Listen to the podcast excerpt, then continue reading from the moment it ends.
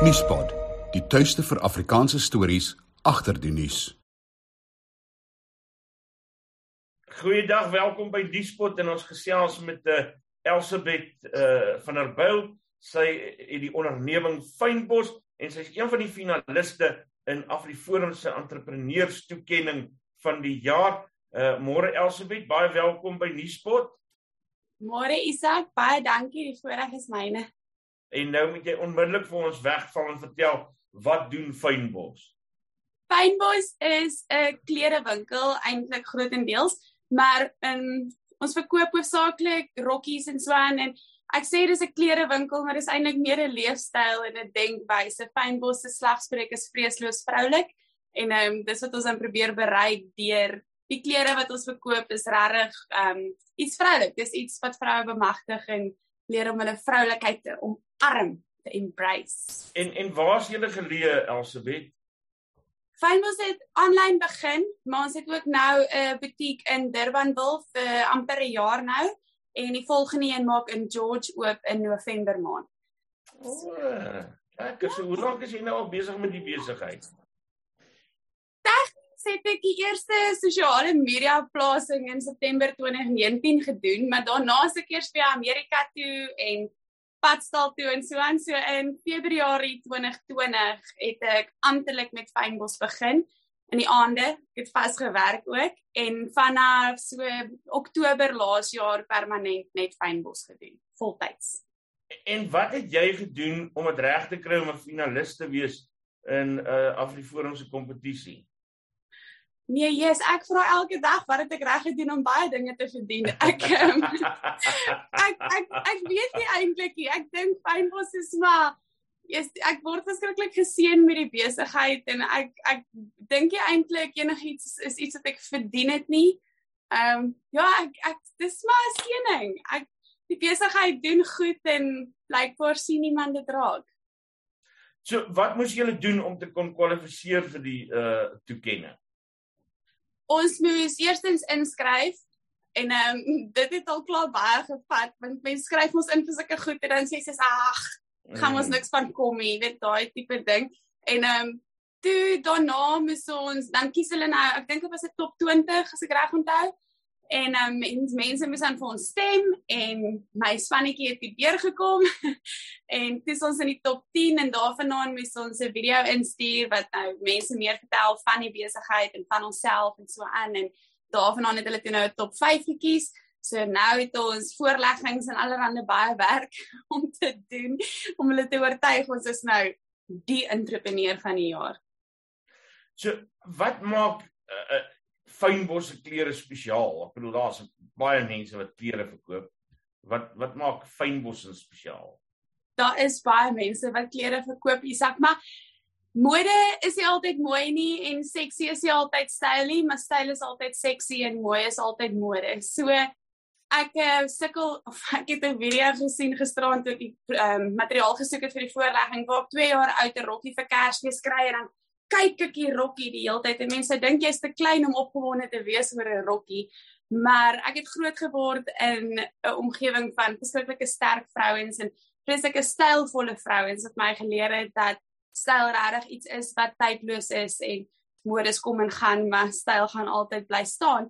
Maar die plaaslike winkels het ek van altyd af gevoel nog het regtig 'n tekort daaraan. Die winkels is gevul met items wat nou in die mode is, maar dalk nie noodwendig vleiend is nie en wat oor 2 jaar van nou af regtig nie meer mooi gaan wees nie.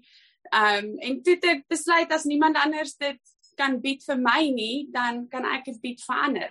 Maar moet tog nog vrouens wees wat voel soos ek. Blykbaar is dit. Eh, ja, toe jy nou weer sien toe lyk dit my is daar nou mense wat voel soos jy. Ja. Kan jy glo?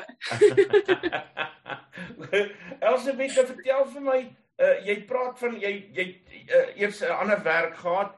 Uh wat se werk was dit en en en wat het jou laat besluit dat jy eerder in hierdie rigting in wil gaan? Die die die vraag of ek in hierdie rigting wou gaan was nooit regtig 'n vraag nie. Ehm um, en as ek nou moet eerlik wees, ek kan dit maar sê want hulle het dit tog geweet hoe hulle my aangestel het. Die ander werk was 'n manier vir my om te kon Kaap toe trek. Dit ehm um, het nie my huur betaal nie. dit het kos gekoop en ehm um, toe ek daar bevorder na business ehm um, consultant toe en dit het daarom toe nou hier betaal maar dit was maar nog steeds iets wat ek moes doen om te oorleef in die Kaap tot Fynbos my kon onderhou. So die vraag was nooit of ek permanent vir iemand anders gaan werk nie. Daar was nooit 'n kwessie oor dit. Dit was maar net ons het mekaar nodig gehad op die tyd. So so jy het van die begin af geweet jy wil nie vir 'n baas werk nie, jy wil vir jouself werk. Ja, nog altyd. Eie wys. Is jy getroud Elsabet? Nog nie. Nog nie. In 'n verhouding. Ja? En uh geld dieselfde beginsel in daai verhouding. Net die eie wys wees. Die die, die, die baas deel. Ai ai ehm hy sal dalk sê die eie wys deel geld, maar hy's gelukkig hy het my so kom kry. So hy vir my gesê van die begin af hy gaan sy arms net so maak en hier kan ek maar rondom en te kere gaan en wild wees. so dit werk. Lekker is met sulke mense in jou lewe het, ja. Alles uh, skaars. Elsabet en en en uh toekomsplanne vir Fynbos groter gaan. Ehm um, ek het verskeie reekse waar waarmee ek wil uitbrei. Een van die eerstes is nou Valleys en dan wil nou nie alles bekend maak nie, maar daarso kom allerlei verskillende reekse om dan nou uit te brei nie net meer met die vreesloos vroulike hoofsaaklik rokke wat ons nou doen nie. So ek wil kyk na voller figuur, meer formeel dalk na die voete toe beweeg. En dan wil ek ook graag meer takke oopmaak. So George is nou hopelik die tweede van baie.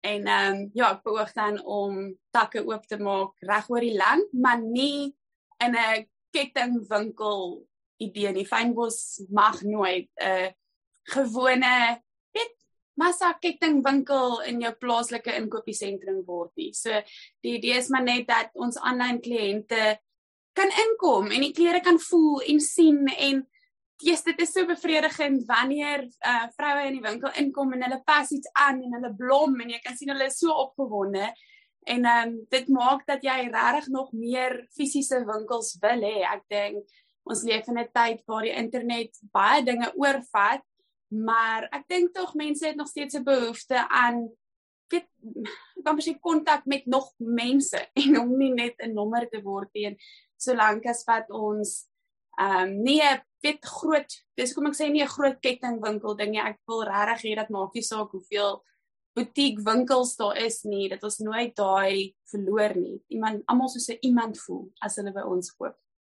Nou ja, dis Elsabet van 'n byl van Fynbos wat ons praat uh en uh, nogal heel diepsinnig oor haar uh besigheidsstrategie is, né? Nee? dankie dat jy met ons gepraat het Elsewet. Dis 'n groot plesier, baie dankie vir jou. Nuuspot. Onbevange, onbegrens, onbevooroordeeld.